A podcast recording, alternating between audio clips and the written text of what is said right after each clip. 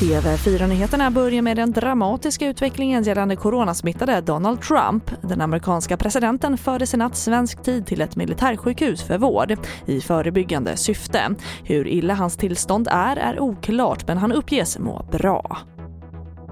Och en explosion skakade en fastighet i centrala Malmö sent igår kväll. Enligt polisen var det många som hörde av sig efter en hög smäll. Ingen person uppges ha skadats men lokalen och byggnaden har fått materiella skador. Polisens bombskydd genomför nu en teknisk undersökning. Och i Norrbotten får mer än varannan ögonpatient vänta längre än vårdgarantin på 90 dagar. Det konstaterar Synskadades riksförbund i en ny rapport där de tittat på väntetider inom ögonvård. Jag vet att vi har dålig tillgänglighet för att vi har dålig bemanning. Vi har tappat jättemånga läkare genom åren, eh, både på specialistläkarsidan och på ST-läkarsidan.